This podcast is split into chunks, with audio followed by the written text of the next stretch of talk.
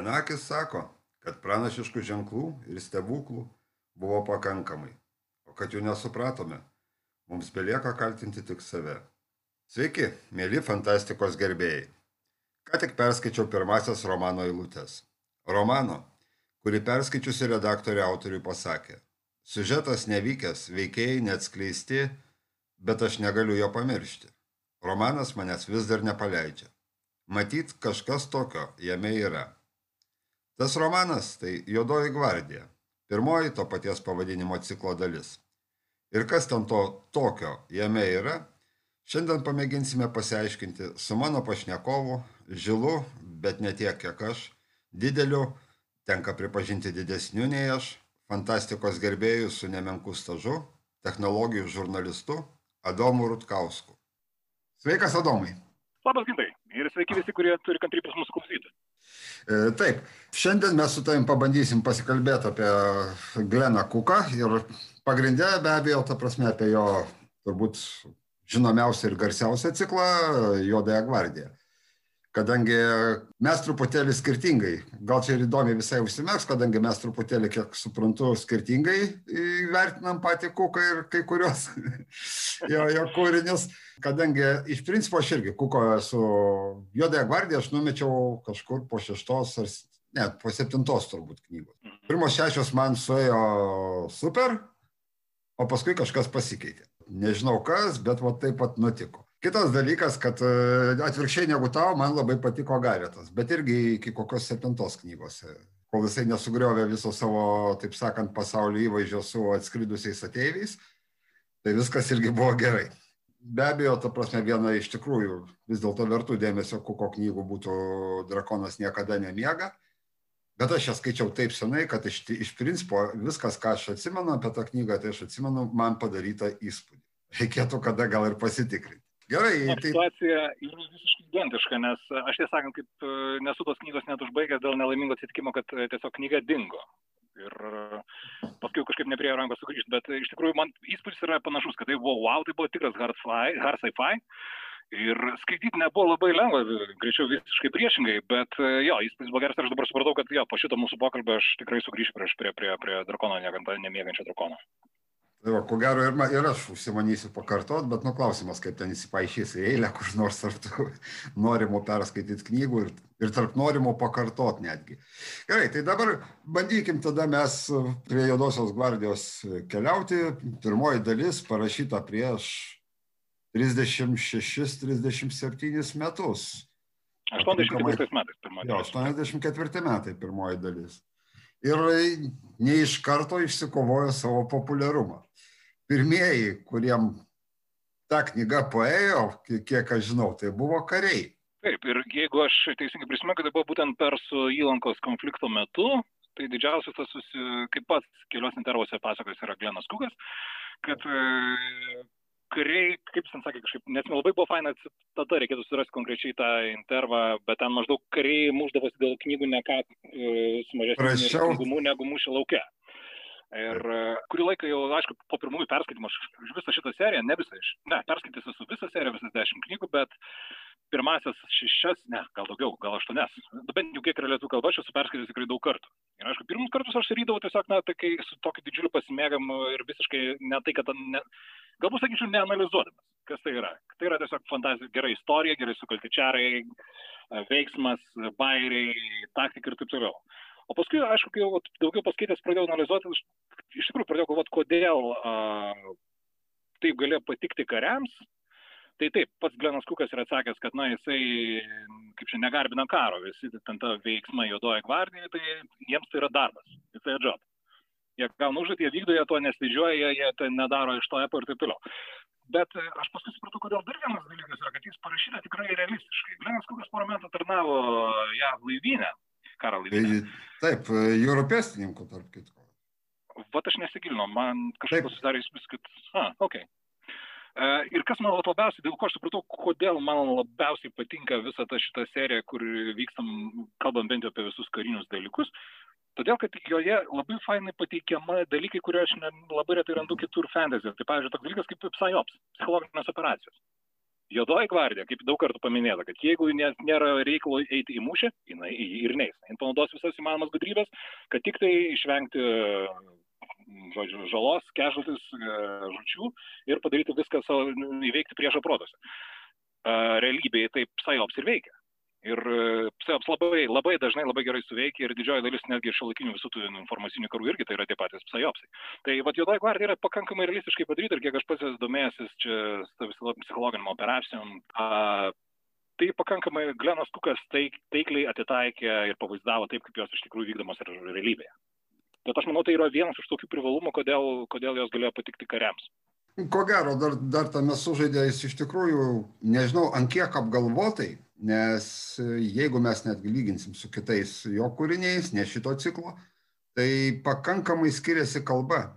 Juodosios gvardijos kalba yra labai lakoniška, labai glausta, labai kapota, ta prasme, jinai be jokių tau išraitimo, be jokių pagražinimų ir panašiai. Ir iš tikrųjų jinai sudaro tokį truputėlį tą nežinau, nu, ar galim tai pavadinti, nes, taip sakant, karinį stilių mane. Bet aš turiu atkreipti dėmesį, kad tu čia turbūt kalbė tik tai apie tą tiesioginę kalbą. Nes kur prasideda visokie išmintimai paties kranklio ar, ar kitų, tai ten tokie viražai prasideda, kad e, čia, sakyčiau, labiausiai galbūt yra nutolę nuo to karinio standarto.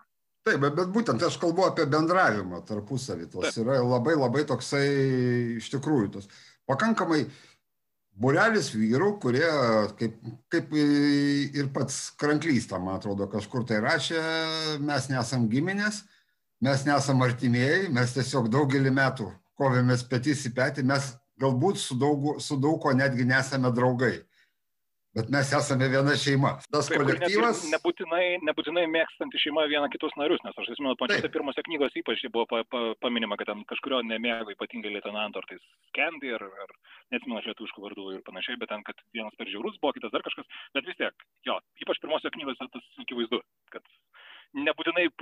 funkcionuojanti šeima, bet tai yra šeima. Taip, ir čia dabar dar aš truputėlį iškart klausytojams perspėsiu, kad mes vietomis galbūt mums bus sunku susikalbėti nes iš tikrųjų, ta prasme, aš Juodąją gvardiją dalį skaičiau lietuviškai, dalį skaičiau rusiškai ir nieko neskaičiau originalo kalbą Juodosios gvardijos. Tai irgi, kaip pasakyti, kai kurie tie įspūdžiai galbūt ir apie tą pačią kalbą ir jos kapotumą šiokį tokį gali būti ne tiek kukui taikomi, kiek tiem vertėjim, kuriem, taip sakant, nepasisekė gauti kuką, versti. Bet e, žiūrėk, dabar ta prasme, kaip tu manai, čia tas teiginys, kad Kukas ir jo juodoji gvardija, jeigu ne, netapo pirmąją tą krekždę, tai bent jau tikrai, tikrai paklojo pagrindus e, tokiam požanriui kaip dark fantasy. Su to tu sutiktum? Aš su tuo sutikčiau, bet vėlgi, nu, čia bus mano profesinė prigimtis reikalauja tikrinti faktus, ar iš tikrųjų nebuvo kažko panašaus. Bet jeigu klausimas apie tai, ar tai yra vienas tų tokių ryškiausių ir vienas pirmų, tai be abejo. Tai yra, be jokių ginčių, tai yra vienas ryškiausių pavyzdžių ir ankstyviausių pavyzdžių dar fantasy. Be abejo. Aš manau, kad net mes turbūt iš vis tokio vieno niekada, ten nei vienam turbūt žanrė tokio vieno nesurastume, kur sakytume, va, tik šitas ir pradėjo, tik nuo čia viskas ir paėjo, nes, nu... Tolkinas. Nu, ne, ne, net, vėlgi ne vienintelis. Taip, labiausiai nusipelnęs, taip padaręs daug, bet ta prasme, nu, vėlgi nebuvo netgi pats pirmas, kuris kažką tai tam, tokiam žanrė bandė. Buvo ir šitas, o dabar jau aš toj to, to pradėsiu klaidžiot po savo Alzheimerio atminties labirintus ir, ir primeluosiu. Bet Clarkas Aštuonas Smithas, ten dar kažkas buvo, buvo tokių daigų, šiokių tokių buvo, bet aišku, tai ką, tai, ką padarė Tolkienas, yra neginčiama ir tai yra tas kolosas, ant kurio pečių paskui lipo kas netingėjo ir tas pats kukas galų galę. Tai aš manau, mes kalbame apie, tą patį, kad, e, tu prasme, jis gal nebuvo pirmas, bet jis yra pirmas, kuris iškilo. Taip, taip. taip. Be abejo, tas, kukutas. Kurio populiarumas, kurio va, tas va, visas, e, kaip pasakyti, reikšmingumas tame ir, ir, ir, ir davė truputėlį postumį. Nes ko gero tas toksai, netgi ir bendroj pasaulinėj literatūroj turbūt ne tiek daug galima mes surasti pavyzdžių, kur iš principo teigiamų herojų nėra beveik. Bent jau tarp pagrindinio, ne, mes galim ten tos sukilėlius, ten rožytę ten svarstyti, ne, bet, bet pati, taip sakant, kompanija šitų samdinių, ar nedaug dievė tie, kam jie tarnauja, tai čia gėrių nekvepia net iš tolo.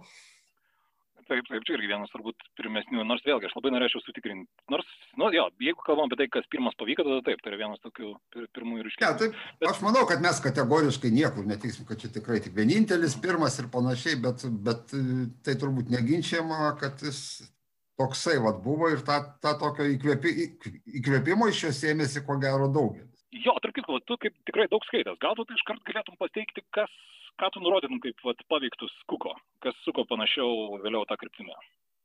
Nu, žinai, man pakank, pakankamai aišku, čia ne, negaliu garantuoti, galbūt jie patys paneigtų mano nuomonę, ne, bet, bet taip, nu, nes aš, aš pats stebėjausi, žinai, jeigu vat, mes truputėlį nuklysiu, žinai, supranti, kada išėjo tamsa, ne, man, maniškė. Tai iš pradžio aš ten net registravau, žinai, Nes žmonės rašė, man panašu į šitą, man priminė tą, man, man, man priminė aną, supranti. Po kokios 25 pavardės, supranti, aš nustojau tai netgi kolekcionuoti. Tai va, tarptų pavardžių buvo ir Glenas Kukas su Jodaja gvardija, nors man tai visiškai taip. Taip, man, man irgi tai kažkaip visiškai... nelabai, bet ok. Jo, jo, sakau, nu žmonėm kaip, kaip kas sušauna, žinai, supranti, ten atranda panašumų ir panašiai, bet uh, Bet aš sakyčiau, kad tokie kaip e, vėliau iškilę, tokie kaip, nežinau, Abercrombis, Lawrence'as, e, nu, velniškai panašu, kad jie, jie skaitė kuką ir kad jis jiem patiko. Netgi ta prasme, vėlgi pagal laiką reikėtų pasižiūrėti, bet irgi biški vėliau. Kai ką, kai ką, sakykime, iš kuko aš netgi pasmartiną pas. Jo, yra tas toks momentas, suprantate, kada Vat kukas, kuo, kuo pasižymi, žinai, pasi irgi nėra to tokio, nes kai kurie yra iš tų dark ar to labiau ten green fantasy, ne, rašytojai yra tokių, kur tu jauti, kad tai ta juodumas vardan juodumo. Spaudžiama, žinai, per tą vat, visą, tik tai tam, kad būtų spaudžiama, supranti. Pas kuką viskas vyksta labai natūraliai. Prasme, ten vat ir yra.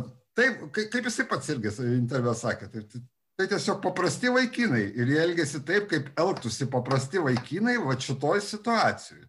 Sakykime, jeigu irgi vat, būtų samdinių būrys, bet jis kažkaip... Iš kitos pusės, vat, iš kur ateina ta tamsa? Vat, man labai įdomu, iš vieno pirmųjų perskaitimų pirmųjų trijų knygų, užstrigo vienas dalykas, kuris taip kelia labai kreivą antakį visą laiką pasakome, kad e, valdovės ir e, kaip ten viešpatės, nu, dominatorius ar kaip ten, taip. jo imperija tai buvo blogio imperija. Ir aš per visas tas knygas taip kažkaip ir neradau ne vieno pavyzdžio, kur tai būtų kažkas bloga. Ta prasme, tai atrodo eilinė imperija, kurios visas blogis yra prašytas nuo pralaimėtojų. Ir va tas galbūt tai irgi kažkiek kilima, galbūt lemia tą pilkumą, tą pilkąją zoną, kad tai nėra nei geriečiai, nei blogiečiai, tai tiesiog, na, yra tokie, kokie jie yra. Ar, ar tu pastebėjai nors vieną atvejį, kur ten būtų kažkoks, nu, va, toks master evil? Jau nekalb, ne, nu. nekalbant apie pavienius atvejus, kaip kad uh, šlubis, ar kaip jis ten išprotėjęs ar panašiai, bet, tarkim, va, pati ta senoji imperija, aš neradau jos blogi, kažkokio blogio pavyzdžių. Ne, va būtent šitoje vietoje, tai aš sakyčiau, aš ten savo netgi buvau kažkada, žinai, susižymėjęs tos dalykus, kur kas padarė neteisingai, kaip negalima. E, labai daug, suprantate, ta prasme, ten gali vardinti ir vardinti, ir, bet tai suveikia, ta prasme. Tai vat, vienas iš tų dalykų ir buvo, suprantate, žinai, valdovo. Jau jeigu valdovas, tas dominatorius, žinai, kaip mes ten vadinsime, jeigu jau valdovas prisikels, jeigu jau sugrįž, tai bus taip blogai, nu bus va taip, va blogai. O kas bus blogai? A niekur nei žodžio, žinai, bet nu bus blogai. Žinai jau čia bus taip viskas, žinai, supranti ir panašiai. Žinai. Tai vat, čia, čia yra vienas iš tokių momentų. Žinai. Paskui vėlgi, žinai, personažų prikelinėjimas. Jis mane truputėlį sitino, žinai. Čia vad galėtų... Aš supratau, klausyk, va, tu, tu rašytas, ar tu gali pasakyti, nu, va, kodėl taip daroma, kodėl? Mm, aš, matai, čia turbūt labai individualu, labai personalu, žinai, visi šitie dalykai, aš vienintelį dalyką, kur uh, puikiai suprantu, kodėl taip daroma, tai aš suprantu, kodėl Conan Doilis prikėlė Holmesą. Nes taip, ten, ten, ten, spa, ten spaudimas buvo taip, taip, taip, ten spaudimas buvo toks, kad uh, jis nori, nenori, to prasme. Aišku, galėjo nusispjauti, bet tada, nu, kaip pasakyti, gerokai apribotų savo pajamas. O su kuku jis galėjo tęsti ir pakeisdamas kažkuo, tai ta prasme, tą vieną antagonistą kitu, vieną, ta prasme, protagonistą kitu, ar dar kažką, to labiau, kad ir... Keitėsi net. Kartais, jo, būtent ir kartais jis sėkmingai pakeisdavo, nes, tarkim, ten tie dešimt uh, pašvestųjų, kaip ten lietuviškai. Pašauktųjų, paimtųjų, aš ne, te, teikiam angliškai. Ten buvo teikiam, jo, teikiam. Uh, kai, su kuriais puikiai susitvarkyta, kad ten tie sugrįžimai visiškai organiški ir iš tikrųjų yra tas netikėtumo elementas. Nu, bet tai jau tas vienintelis, jau, jau aš nežinau, aš nežinau ne vieno fano, kuris nebūtų užknysęs. Ir vis tiek kažkodėl tai buvo tęsama, tęsama, tęsama. Nu, įdomus sprendimas. Taip, taip. Plus dar vienas va, toks momentas, kur irgi atrodo, nu, realiai ta prasme yra žiauriai neatleistina rašytojui, tai yra personažų prieš istorijas neegzistavimas. E, nes realiai ten vienintelis Varnas turi savo prieš istoriją, kuri paskui labai neblogai motivuoja ir jo elgesį, ir visą kitą, bet tai pateisinama tuo atžvilgiu, kadangi vis dėlto Jodosios gvardijos e, kronikos yra pateiktos būtent kaip analoje. Ne? kaip yra tiesiog vedamas metraštis, kur, kur rašo, tave ir įmeta tiesiog pati veiksmą, nuo tos vietos mes čia rašom, mes esam čia, darysim tą ir, ir, ir taip toliau, supranti. Ir antras momentas yra tas, kad kažkur yra netgi ten, man atrodo, ir užmesta tas, kad kada ateina naujas žmogus į gvardiją, mes niekada neklausim, iš kur jis atėjo, kas jis buvo ir taip toliau. Tai kaip... Bet kranklys jaunystėje sąžininkai bando viską išknysti, ypač jeigu personažas įdomesnis. Taip, taip, taip. Bet iš kitos pusės, aš sakyčiau, tai galimas paaiškinimas toks dalykas, kad na, dauguma tai yra iš jų paprasti vaikinai, nes, pavyzdžiui, kiek atskleidžiama galų galiai ir to paties kranklio istorija, ten galbūt tai yra tose knygose, kur tu kaip paskutinį poros neskaitai likti. Ten jau po truputėlį, bet irgi ten tokias mažytės detalės, kurios paskui pažiūrėk, kad jos net nelabai įdomios. Kas iš to? Ta prasme, ten, Galbūt yra, kad tie paprasti vaikinai dėl to ir neskleidėme istoriją, nes nu, jų gyvenimas paprastas, iš jų nepadarytas epas. Su, tarkim, su valdove, aš sakyčiau, sužaista visai neblogai, kad po truputį, po trupinėlį susirenka tas paveikslas. Ir tas va, tokių žymesnių paveikslų rinkimas, bent jau man tai buvo labai smagus dalykas, visą tą skaitant visą tą dekologiją. Bet didžioji dalis jo ten yra paprasti vaikinai. Ir, ir galų galia netgi ir tas pats uh, goblinas su, su, su vienakė, jie irgi yra paprasti vaikinai, kad ir magai, bet nu, tai nieko. Taip, nu, pat vėl, ta prasme, mes jeigu kalbėsim apie tą, tas, bet, bet čia jau nebėra kaip minusas, tai yra tiesiog vėlgi pasirinkimas, nes su magija rašyto elgesi dviejopai arba padaro kaip Sandersonas, įdeda 15 lentelių, keletą grafikų, arba tiesiog pum ir viskas. Tai yra. Tai yra va taip, ta prasme, nes nu, tai, kas vyksta, ką, ką krečia ten ta pati valdovė ir tie paimtieji ir panašiai, tai kažkoks tiesiog maginis masinio naikinimo ginklas kažkur tai liopteli, ta prasme, kaip jis suveikia, ką jis padarė, kukas tai nesivargina aiškintis. Tuo tarpu tie magai, kurie, taip sakant, pačioj gvardijoje netarnauja, tai yra tokios, kaip pasakyti, tokios smulkios žuvelės magijos vandeninė, kad... Vat, e, kas kalbant apie magiją, man truputėlį dar e, jaučiu tokį pasimetimą Glenkuko pasaulyje, Jodosios gvardijos pasaulyje.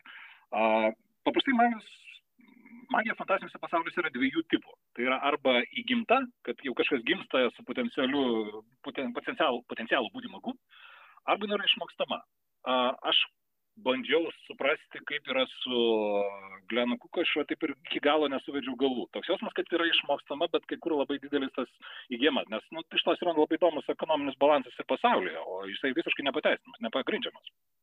Jo, jisai šito dalyko visiškai nepasakoja, bet aš irgi statyčiau, jeigu reiktų, taip sakant, žinai, ar juodą ar raudoną rinktis kaip ruletė, žinai, tai statyčiau ant to, kad to kažkaip tai išmokstama ir išmastoma, nes jeigu mes prisiminsim, yra ten užuominų to, kad valdovas kadaise buvo irgi visiškai paprastas žmogus, kuris sugebėjo po truputėlį didinti tą savo galę, galų galę savo priešininkus paimti, paversti tais pašvestaisiais, paimtaisiais, aš vat, kaip tas terminas ten turėtų būti tiksliai verčiamas, nežinau. Žinai.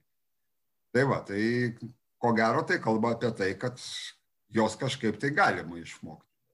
Bet tada ta klausimas, kodėl tų magų yra tiek mažai tokiam pasaulyje? Nes taigi čia yra...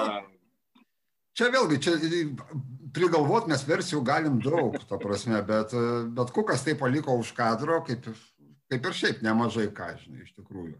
Ir koks pagrindinis, va, tavo, tavo nuomonė, vis dėlto pats pats pagrindinis tos serijos e, pliusas, kuo jinai ima iš esmės?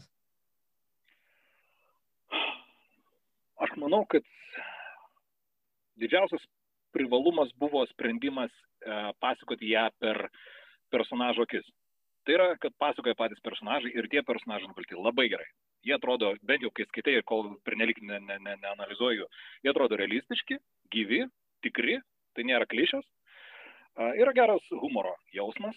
Uh, nėra, būtent nėra to saldumo, nuo kurio jau vis daugumė gali būti pavargę fantasy žanre. Ir tai yra realistiškumas, tas karinis realistiškumas, kurį aš jau minėjau. Sakyčiau, tai yra trys dalykai. Pagrindinių dalykų aš vis dėlto vertinčiau tos personažus. Nes na, dėl ko visi taip mėgsta, sakykime, tas pirmas tris knygas, na ir galbūt ten ketvirtą, penktą ir taip toliau.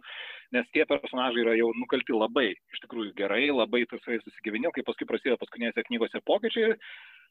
Na, kažkaip tie nauji, jo, yra ten gerų, tarp kitko vienas mano mėgstamesnių personažų atsiranda vėliau ten, e, na, skaičiau nedaug kartų ir, ir, ir, ir vardą dabar neprisimenu, Topo, man atrodo, ir taip toliau, kur uh, Murgenos sūnus. Mhm.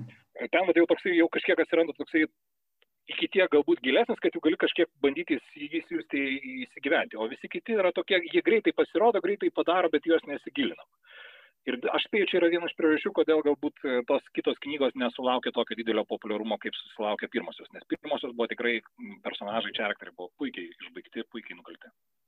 Nu, aš pasakysiu iš savo pusės. Iš tikrųjų, aš pirmą kartą skaitydamas, e, man pirmas įspūdis buvo, kad charakterių iš vis nėra.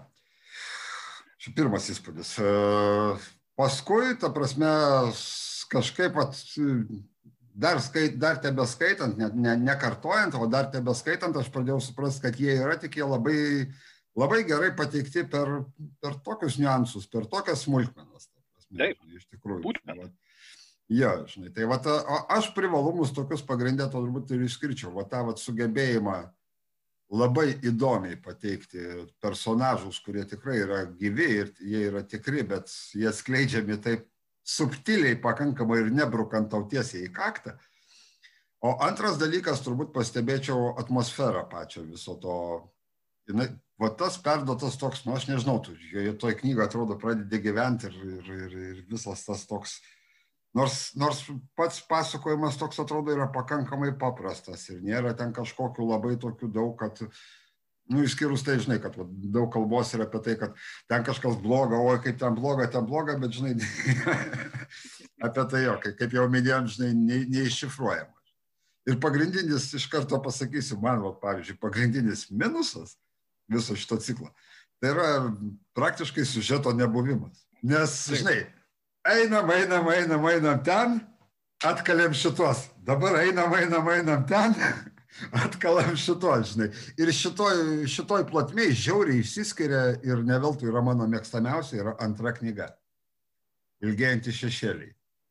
Jeigu ten atsimeni tą pilis, kur, taip, prasme, taip, taip. lavonėlius galima, galima buvo vežti ir priduoti už kapeiką, žinai, o jeigu gyvą nuveši, tai dar geresnė kapeika gausi, žinai. Va, va ten, ten buvo šiok, ta prasme, iš tikrųjų siužetas, kuris va, po truputėlį viniojasi, kuris gražiai atsiskleidė. Kita vertus, jeigu jau į visą ciklą žiūrėsi, yra ten, kur visas tas dalykas nueina, bet kas jokingiausia, kad e, pats Kukas sakė, kad plano tokio, kad čia bus dešimties e, tomų epopėja ar dar kažkas, tokio niekada nebuvo, ta prasme. Ir, ir tiesiog kiekvieną knygą rašydamas, jam tiesiog galvojau, jau kažkas tokių kabliukų sekančiai atsirasdavo. Jo, ir tai ypač vėlesnėse knygose pasireiškia, kur ten jau prasideda knygų minėjimai. Jau, ten, man atrodo, uh, Soldier Sleep, uh, ten ta visa frazė, tai yra, atsiprašau, Water Sleeps, uh, minima jau yra She's the Darkness ir taip pastoja, net kartais įkyriai kartojama. Uh, Water Sleep, mėgačiame vandenyje, jau kartojame Soldiers Live ir taip toliau, na, tas atsiranda. Bet vat, grįžtant prie to dalyko, kad nėra siužeto, man sakyčiau, čia yra pakankamai realistiškas momentas grįžtant prie to karinio vaizdavimo. Tu esi kažkokia misija, tu gauni užduotį. Uh, jeigu tu nesi vadovas, net jeigu tu esi kažkoks brigados generolas, aš nežinau, kiek tu turi realiai to įsivaizdavimo, koks čia vyksta tavo, koks čia scenarius. Tu turi užduotį, tu ją kaip matai, gabaliukais tu ją ir vykdai.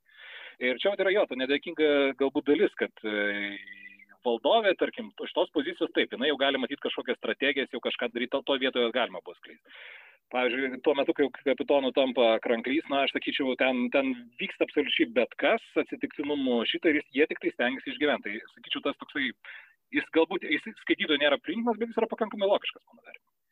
Ne, ir čia aš iš, iš kitos pusės sakau, įvardinau kaip minusą, bet iš kitos pusės e, galiu tai vėlgi autoriui kaip į pliusą įrašyti, kadangi neturėdamas vat štai tokio, supranti, sugeba išlaikyti dėmesį, sugeba prikaustyti, sugeba sudominti tuo bardaku, kuris vyksta aplinkui.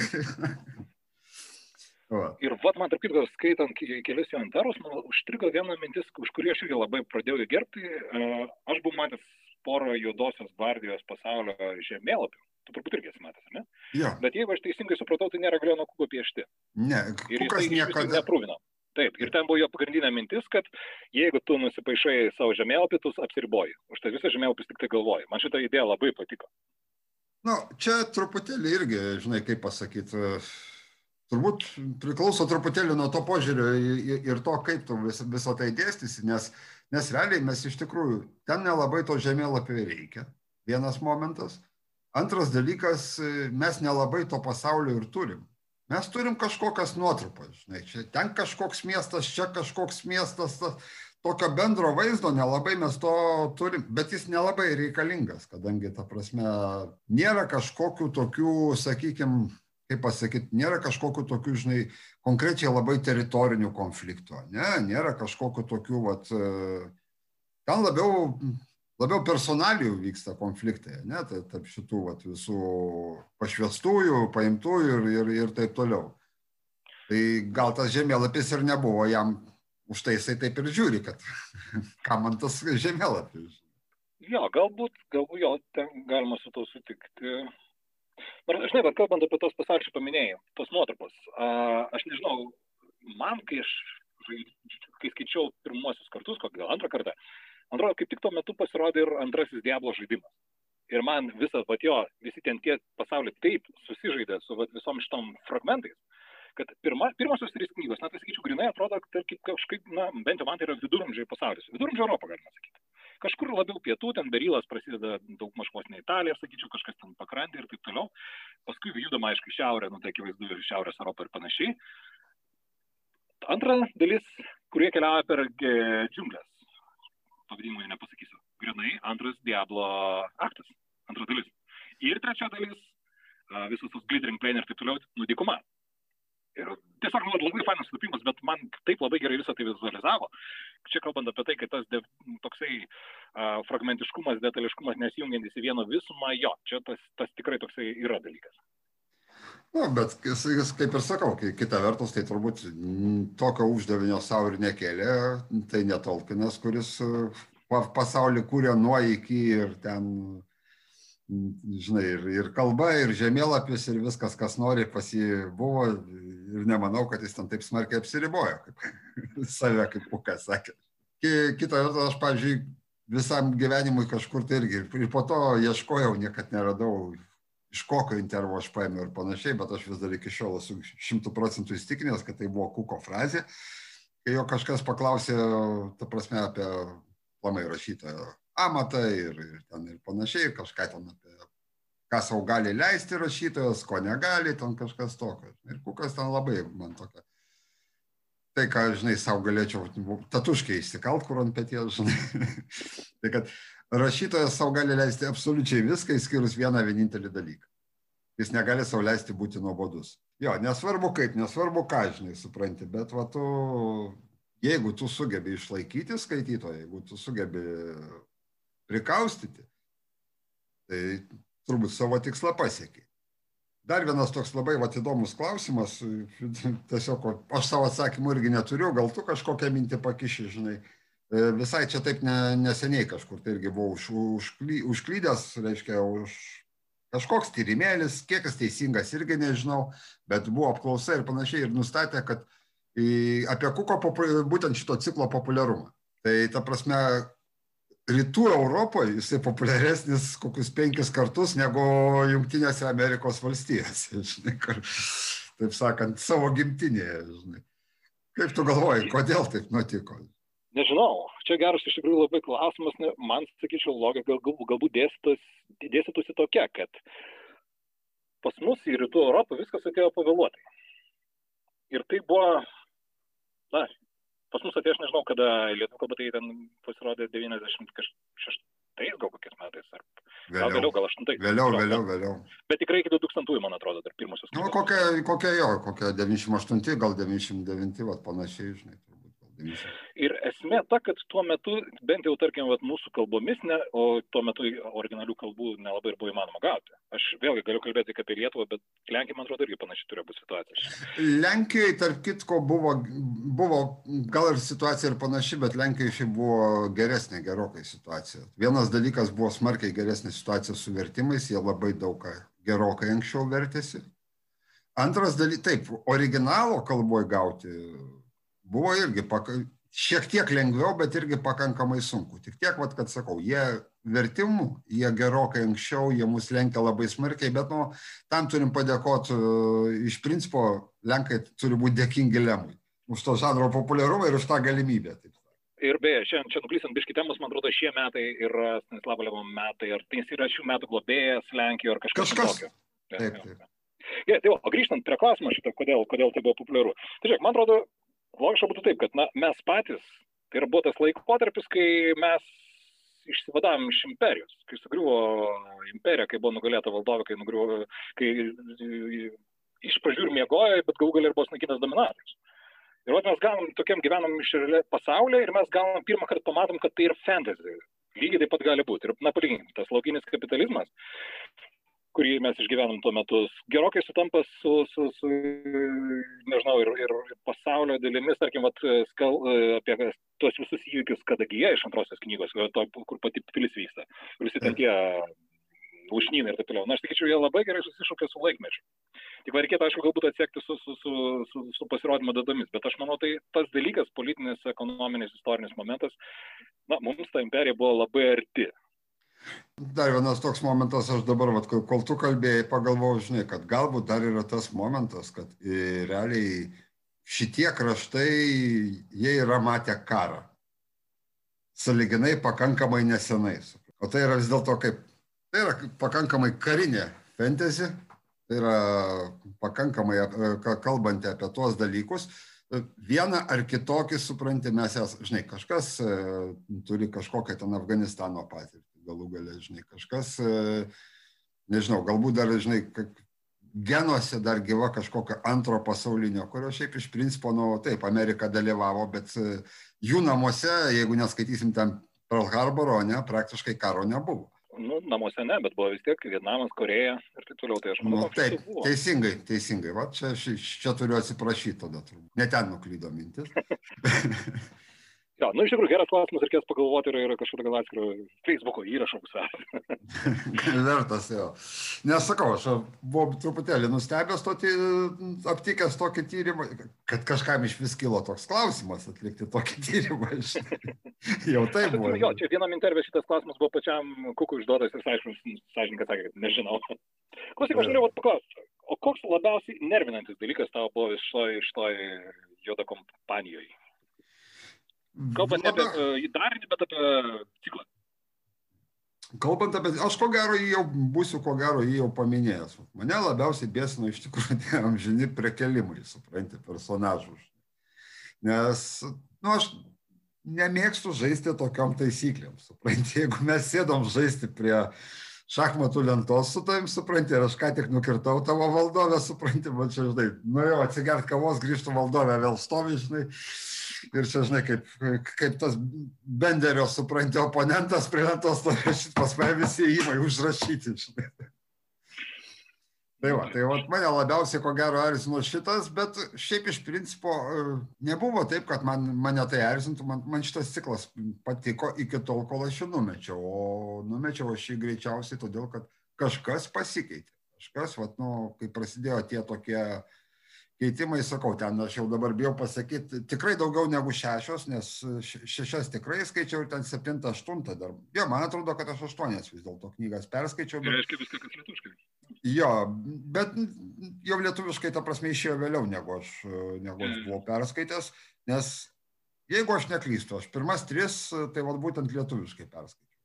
Dar nebuvo sekančių, susiradau rusiškai ir ten sus, suskaičiau iki, vad sakau, aštuntos, bet devintos man jau nebekilo noras imti. Tiesiog kažkaip, sakau, dabar vat, aš pasižiūrėjau, ką visai kažkaip irgi buvau apleidęs, kad visai, visai, saliginai nesenai, aišku, bet po, po daug metų, ne, Kukas grįžo prie Jodosios gvardijos ir kažkas su portalų pavadinime, dabar reikėtų pasitikslinti, parašė naują romaną, kuris ten chronologiškai tarp pirmo ir antro kažkur tai įsiterpė ten buvo kažkoks po Baunyters kažkoks, bet ten short story, man atrodo, buvo. Ne, tai short story buvo, ta, tai tikrai ne, ne viena, bet aš toj, toj, kol šnekam, pabandysim, ta prasme, mes pasakyti tiksliai pavadinimą. Tai va, aš jau jį susiradau ir aš netgi galvoju, kad aš gal jį pabandysiu paskaityti, nes tai aišku, nežinia, kiek skirsis, kiek tai kukas pasikeitė per tą laiką stiliumi ir panašiai, nes vis dėlto tarpas ten, man atrodo, nuo, mes jo 2000-aisiais turėjom Soldiers Life, ne? Soldiers Life. Jo, ir 18, prieš du metus, 18 metais Sport of Shadows. O, tai čia yra pati paskutinė, bet ar jau išleista yra? Ne, man atrodo. Tai 18 metais. Hmm. Aš jau netgi, ta prasme, mačiau rusišką vertimą. Hmm. Tai manau, kad originalo kalba jinai tikrai išeis. Taip, taip, taip, aišku. O, čia gera naujiena, va, aš žinai kažką. Jo, tai, tai, tai va aš irgi ją taip pasidėjau ir galvoju, kad nežinau, ar aš dar kada nors bandysiu ten užbaigti ten tą 90, kur ten buvo, bet va, į tą pradžią, kuri tikrai, tikrai, tikrai buvo pagavus ir žavėjo, tai aš tikrai manau, kad mielai sugrįšiu. A, aš o to dar pasakysiu, kad man labiausiai užknisu kai kurie nežinau, logikos nebuvimas ir e, kai kurie poelgiai personažų. Tarkim, vėlgi įdomus tas kranklys. Paprastai sakoma, kad, na, autorius, kai rašo kažkokią pagrindinis personažą, stengiasi atriboti jį nuo savęs dažnai, ar ne? Glenas atvirai pasakė, kad ne, kranklys yra aš. Bet e, iš vienos pusės, na, vietomis tas kranklys, kuriam jau ten, nežinau, veiksmas, kaip Dežagorį vyksta, ten, man atrodo, 45 metai ar panašiai yra, ar ne? jo suvokimas pasaulio ir žinių kartais atrodo ir elgesys, na, lyg kokio 15 mečio. Ypač, kai ten prasideda reikalai su vaikais ir taip toliau. Nu, kanklys ar kanklys, bet valdovė, kuriai yra šimtas kažkiek metų. Ar ne, atsiprašau, 400 kažkiek metų. Tai jo, nes e, daugiau, nes kadangi po 400 taip, taip, taip, praktiškai išvadavo tik tai. Taip, taip, taip. Nu, tai 450 metų, kurie elgesi ir jos žinių bagažas ir suvokimas ten, kur prasideda jau giminės ir visokie dalykai, kur, kur ten, nu, nežinau kaip tiksliai, neišspolinant pasakyti, bet na, vietomis kalboja, come on. Jau skaitytojas supranta, kokia trečdalį knygai, kas vyksta, kas jos laukia, jai visiškai naukliu. Man tokia vieta buvo na, visiškai kažkaip keista. Bet paskui aš prisiminęs va tą, galbūt e, Glena Kuko pasakėme, kad, na, kranklys ir aš, viename savo interviu jis labai pasako, kad jis pas labai mėgsta paauglių, paauglių fantaziją dalykas, kad na, tas personažas yra na, truputėlį naivumo tokio. Galbūt kažkokio gyvenimo nepatyrimo, galbūt būtų to įtaka kažkiek. Tai. Nes, na, aišku, taip, karys jis yra profesionalus, rašininkas jau į, gal, į, į pabaigą išmoksta, gana gerai rašyti, nors ne mano stilius. Na, bet kai kurio ten tie gyvenimiški patyrimai, tai žiūri, kad, na, 20 metais tikrai geriau išsisukti. Na, ja. Tau nebuvo tokio įspūdžio? Kažkas panašaus buvo iš tikrųjų, va tokio, plus antras dalykas, būtent šitas, šitas vat, momentas, kada skaitytojui daug kas gerokai anksčiau jau aišku ir išlenda negu, negu personažui, truputėlį, taip sakant, žinai, daugelį tvistų, taip vadinamų romanų, darė žiauriai nuspėjamus. Žinai, ta prasme, tu aiškiai matai, kur link lenkiama, kas tuoj bus, supranti. O tas, žinai, ir kaip, sakau, kartai, žinai, kaip tam vaikui spektaklėje, žinai, norėjosi atsistoti ir sušukti už nugaros raganą, supranti. Atsisuk. Taip, taip, taip. Taip, tai va tas, tas toks momentas yra iš tikrųjų. Bet nepaisant viso to, ciklas yra skaitomas, ciklas yra perleidinėjimas, o ne pas mus, aišku, žinoma. Pas mus dar tiesiog nebaigtas leisti, mes galim taip sakyti. Jo, pas mus nebaigtas leisti, nežinau, ar ten kas nors simsis, nes kadangi fantasy apskritai tas požiūris paskutiniu metu labai jau toksai, žinai. Bent jau, bent jau mokslinė fantastika kažkas kažkiek tai kažkiek tai judina, žinai, ką perleidžia, ką naujo išleidžia ir, ir, ir taip toliau.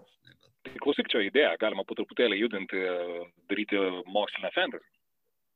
Ir taip truputėlį, truputėlį perėdinant, gal kas ir šiais. Nu, yra to, to, to, tokio požanrio atstovų, galima aišku paieškoti, bet čia reikėtų bandyti kalbėti kažkokius leidėjus, kurie bandėtų šitai perauklėti. Bet aš net nemanau, kad iš tikrųjų kelias yra šitas. Aš manau, kad kelias yra, yra tas, kad nu, po truputėlį reikia auklėtis uh, skaitytoje, ta prasme, pratinti. Jeigu tu jam neduosi paragauti, ta prasme, jis gyvenime nežinos, kad jam tai patinka ir panašiai, žinai.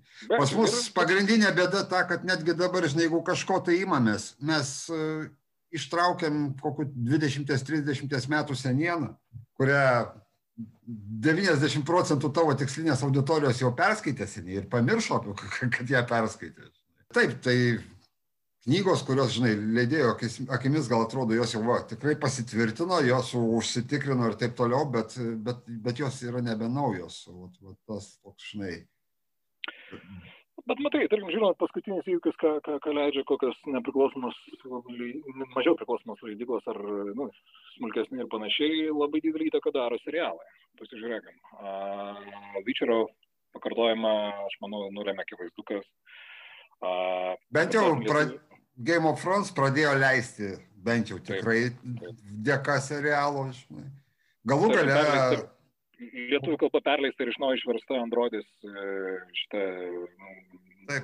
mėgančios avys, sapnuojančios avys. Irgi tai buvo susijęs su filmo pasirodymu. Ir dabar grįžtant prie kūko, pasižiūrėkime. Yra kalbos jau, kad yra kažkokie po truputėlį vykdomi, aišku, dabar išalę darbai, bet kažkas su serialu irgi yra vykdoma. Tai aš manau, čia būtų irgi visai neblogas ženklas, kad jau gerai pasiseks, o tok, knyga čia tokia, kurią, na, sakyčiau, visą istoriją reikia labai pasistengti, kad galėtum sudirbti. Nors tai, aišku, visiškai manoma. Ne, nu, tai manoma, bet, bet tai iš principo aš irgi tai matau realizuota tik tai serialo pavydalu, jokių būdų nepilnai. Nes, nu, ta istorija, jinai tokia, jinai į kažkokį pilnametražį filmą nenuguls. Na, filmą, aš sakyčiau, jau yra toks truputėlį praeitas etapas. Kitas dalykas, vat, ko man labai trūksta ir visa, ko man visą laiką trūko, vat, e, norėtų susikyti juodosios gvardijos franšizė, bet tokia nelabai egzistuoja, žaidimo. Tai yra tobula terpė kokiam nors, nežinau, realaus laiko strategijai paremta herojais, kad žaidimų daugeliu pavyzdžių. Tai yra tobula, tu sukuri personažą, tu valdai armijas, tai tau visas siužetas surašytas scenarius, tik tai padaryk. Na, bet... Savo laiku, kiek aš žinau, buvo stalo žaidimai. E, Black Company pagrindų ir buvo pakankamai populiarūs, bent jau štatuose. Hmm, galbūt, na, aš stalo nesu žaidimą, aš esu žaidęs tik tai paprastą PNP vieną sesiją, žodžiu, irgi ten buvo išleista pagal jo istoriją, bet ten pagal D&D taisyklės, Nu, aš, ko, aš ko gero, gal, ta prasme, iš tikrųjų dabar galvoju, gal aš apie tą patį kalbu, A. tik pavadinau neteisingai, žinai, nes kadangi aš, taip sakant, nei, nei vaidmenų, nei, nei, nei stalo žaidimų didelis fanas nesu, supranti, tai šitoj vietoj galiu smarkiai ir klysti. Gerai, žiūrėk, Adomai, mes e, po truputėlį pradedam prisukinėti kranelius ir aš tokią po truputį įvedinėjau tradiciją, ne visose gal laidose pavyksta ir panašiai, kadangi dėl juodosios e, gvardijos e, rekomendacijų mes abu sutarėm ir turbūt drąsiai klausytojams rekomenduojam, jeigu dar kažkas neskaitė, paragauti to pasaulio. Bet e, tris knygas fantasy kadangi mes kalbam apie fantasy, nebūtinai tai turi būti DAC, nebūtinai tai turi būti žiedų valdovas, nes tu jį vis tiek paminėsi. Bet e, klausytojams parekomenduot tris fantasy knygas. Nežinau, sugalvosiu tris, nes kol kas atėjo gavo tik tai viena. Ir aš įsitikinęs, kad dėl šitos knygos mane daugumas senųjų fantastų nušvilps. Nes kai apie ją ką pasakai, jie visi pradeda labai rūkyti nosis, kažkodėl ten jiems negražu, nepatinka, negerai ir taip toliau. Man tai buvo vienas iš didesnių atradimų. Ir tai buvo e, novelė pagal e, kompiuterį, iš pradžių, aišku, stalo žaidimo, kompiuterinio žaidimo, vėliau žaidimų kompiuterinis atsirado franšizė. Lietuviškai tai buvo išleista Redano pavadinimu Nosferatu. Mm. Ir tai yra būtent uh, Shadowrun pasaulio novelė. Taip, taip. Technofantasy tokia to prasme. Taip, tai yra technofantasy ir tai, vat, ką galbūt aš pavadinčiau e, mokslinė fantasy. Taip, taip. Ir aš dėl ko labai rekomenduoju, man, mane sužavėjo jos pasaulis, na, pasaulis yra, na, tai yra būtent, tai ne high fantasy, tai yra low fantasy. Tai yra būtent šiuolaikinis pasaulis, kuriame atsiranda magija ir šalia jos atsiranda technologija. Nežinau, aš kaip esu visiškas technofilas, tai man skaityti apie važiuojančius tro, autobusiuke trolius smogikus, kurie klausosi hardroko ir užtaisinėja savo kalašnikus, mane tas sena papirko. A, paskui, tarkim, irgi ten atsiranda, čia knyga, man atrodo, irgi pakankamai yra sena, ta novelė rašyta, gal ir tikrai turėtų būti dar prieš 2000 metus. Ir tikrai, ten tikrai. Atsiranda, jo, ir ten jau atsiranda pakankamai gerai numatyta net ir hakerizmo kažkokia dirbtinio intelekto tokias, na vėlgi, tai yra fantastinės, visiškai nerealistinės aplinkos ir erdvės. Bet, na, tai yra įdomiai pateikta ir vat, galbūt, sakyčiau, būtų naudinga tuos, kad, kaip vis tiek, aš sakyčiau, kiek aš esu pastebėjęs, žmonės labiau skaito, na, vis tiek, jeigu mėgsta fantasy, labiau bus toliau nutolę nuo technologijų pasaulio, nuo hard sci-fi ir panašiai. Šitas dalykas bus sujungę. Ten yra visko, ten yra šamanizmo, yra truputėlį net ir dvasingumo, tai pavadinkim. Ir kartu sujungia ir tą hard, hard sci-fi tokius elementus. Vėlgi, tai ne, paprastai būna, kai du dalykus gerus sujungia ir tai pavyksta, gaunasi vienas geras. Aš nesakau, kad tai yra labai gera knyga, bet tai mano vertinimu, neskaičiusiems verta paskaityti, vėlgi, jeigu tu nesi tas, kuris ten, na, nežinau, nenori vadintis snobu, bet kuris pripažįsta tik tai didžiąją klasiką, skaito tik tai naujoves ir, ir panašiai. Gerai, tvarkoj, sutarkim, kad ta prasme užteks iš tavęs vienos, bet geros, bent jau tuo atžvilgiu, sakykim, kad tikrai įdomios ir verta pasižiūrėti, kaip pavyko autoriui tą sintezę dviejų skirtingų pasaulių. Ne?